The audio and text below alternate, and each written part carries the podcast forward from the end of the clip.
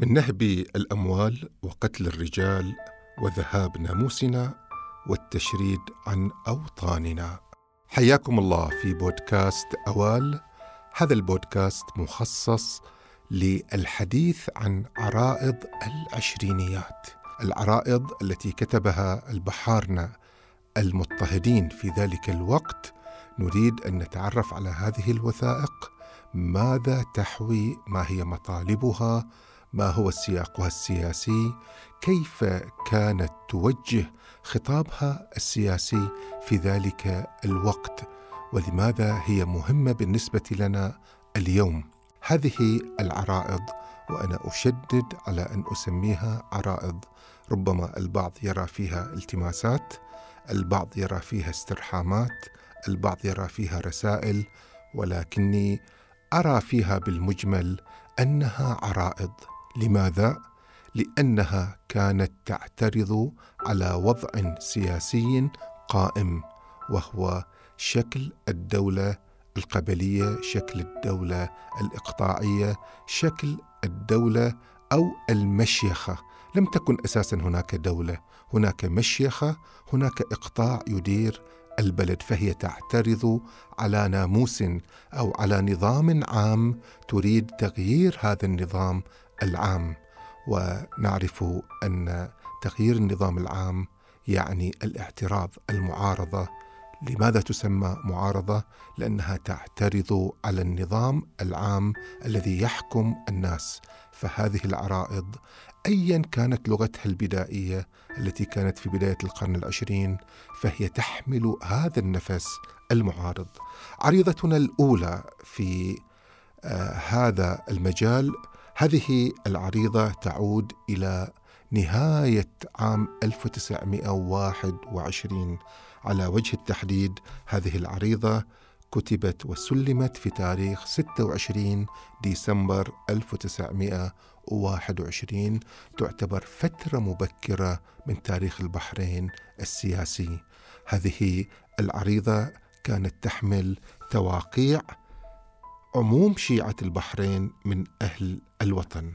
تبدأ ديباجة العريضة على هذا النحو. إلى جناب سعادة ملاذنا الأقوم والرئيس الأعظم. حضرة شيخنا رئيس الخليج المحترم سلمه الله تعالى دام عزه ومجده عن عموم شيعة البحرين من أهل الوطن. هذه الديباجة ربما نحن اليوم لا نستسيغها لأن لغة الخطاب السياسي تطورت واختلفت. وحقيقة هذه اللغة لا تنتمي فقط إلى الخطاب السياسي حتى الخطاب الأدبي خطاب المراسلات. في ذلك الوقت هذه اللغة معهودة دائما تبدأ بالتفخيم والتبجيل ايا كان المخاطب. فهي لغة تنتمي إلى ذلك العصر. والرئيس هنا رئيس الخليج المقصود فيه المقيم السياسي البريطاني الذي كان يقيم في بوشهر ويحكم الخليج كله. يعني سلطة الخليج تقع تحت يديه. لذلك هم يسموه رئيس الخليج مع أن التسمية الرسمية هي ليست كذلك ولكن في المفهوم هو التسمية صحيحة. نلاحظ هنا كذلك عموم شيعة البحرين من أهل الوطن. هذا الحديث عن كلمة عموم. واهل الوطن هي بداية حقيقة حداثة الخطاب السياسي. بداية ولا أقول نضج ولا أقول اكتمال. حين تبدأ الحديث عن العموم عن العام حين تبدأ الحديث عن الوطن يعني أن بدأت هناك ساحات مشتركة بدأ الناس ينظمون أمرهم بدأ الناس يعون حاجاتهم إلى أن يكون هناك إرادة جامعة لهم تتحرك. لذلك أقول إن هذه العرائض هي أيضا تعبير عن الحداثة السياسية عن بداية تنظيم الخطاب السياسي الذي نراه اليوم في نضجه من حيث الجانب الحقوقي والجانب السياسي وهذه العرائض هي تمثل النواة الأولى. كيف تبدأ؟ تبدأ بالقول لم يخفى لدى سعادتكم حضورنا في بيت الدولة البهية في اليوم الحادي والعشرين من شهر ربيع الثاني. وقد فهمتم قليلا مما جرى علينا من البلايا والمحن التي تضيق الصدور لسماعها. ما هذه البلايا ما هذه المحن؟ نهب الأموال قتل الأنفس قتل الرجال ذهاب ناموسنا والتشريد عن أوطاننا. ذهاب ناموسنا الناموس هو النظام الذي يحكم الناس ويحكم المجتمع. اذا الحديث هنا عن قضية عامة. تشريد التشريد عن أوطاننا آه، كما أنا قدمته في كتاب بحارنة المحمرة كيف إن هذا التشريد أدى بالناس بسبب هذا الظلم بسبب عدم وجود ناموس؟ العدالة جعلهم يذهبون إلى البصرة إلى القصبة إلى عبادان إلى المحمرة إلى أبو شهر. هذا التشريد الذي وجدنا معالمه في كتاب بحارنة المحمرة حقيقة تعبر عنه هذه العرائض. ثم تقول أيها الرئيس العادل الحليم أدركنا أغثنا من علينا بإعطاء حرية أنفسنا وناموسنا وتأمين أوطاننا وأخذ حقوقنا قبل الفتنة والفساد. يعني الكلمات ربما أحيانا تجد فيها صياغة وكأنها تذلل بس هي حقيقة ليست تذلل. وهي لغة الخطاب السياسي في ذلك الوقت. هكذا. ولكنها ماذا تطلب؟ هي لا تطلب أموال. هي لا تطلب آه، شفقة بالمعنى الحديث. إنما هي تطلب حرية تطلب ناموس تطلب تأمين الأوطان والقوة في في تلك الفترة هي قوة البريطاني. فالعقل السياسي العملي وتدبيراته العملية تفرض هذا النوع من اللغة. لا ينبغي أن نقرأ هذا الخطاب بلغة ثورية كما نقرأها اليوم ولا أن نقرأها وكأنها آه، تعبر عن إرادة تملك قوة عالية، هم لم يكونوا يملكون هذه القوة التي تمكنهم من أن يخاطبوا بريطانيا وكأنهم ندا لها. هكذا كانت الواقعية السياسية. تشير هذه أيضا إلى مسألة آه، تقول آه، نعرف سعادتكم قبل تحرير الكتاب بيومين صدر اجتماع عظيم في المأتم وبحسب اجتهادنا واجتهاد المصلحين سكتناهم. لاحظوا اللغة بين الفصحى وبين العامية لكن سكوتهم ليس فيه دوام. أولا اجتماع المأتم بمعنى أن المآتم بدأت تتحول في ذلك الوقت إلى ساحة عامة تطرح فيها القضايا العامة يطرح فيها ما يهم الناس ما يشغل آه، أمنهم ومصالحهم. وطبعا هنا المأتم لم يحدد أي مأتم في ذلك الوقت. ولكن ربما يكون هو أحدى المآتم الموجودة في مدينة المنامة أو في السنابس لأن هذه المناطق هي المناطق الوسطى وهي تمثل العاصمة كذلك.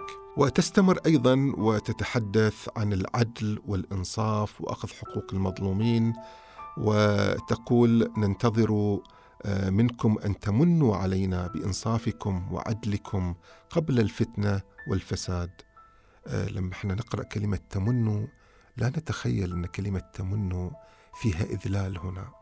إنما لغة الخطاب السياسي في ذلك الوقت وحتى الخطاب الاجتماعي يستعمل كلمة الاسترحام كلمة المن.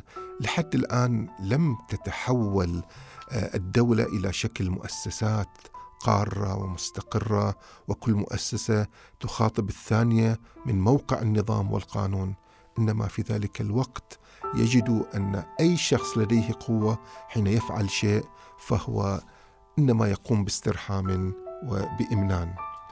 آه على أي حال آه لغة الخطاب السياسي في هذه العريضة هي بمثابة الجنين الأول لتطور الخطاب السياسي الذي نعيشه اليوم. بقي أن نشير إلى أن هذا الخطاب كما تقول الوثائق البريطانية قد سلم إلى خان صاحب عبد الرزاق. من هو هذا خان صاحب عبد الرزاق؟ هذا خان صاحب ولد في 1919 وتوفي 1989 كان أحد رجالات الكويت وكان يعمل مترجم في المعتمدية السياسية بالبحرين وأصبح فيما بعد سفير للكويت بالأردن.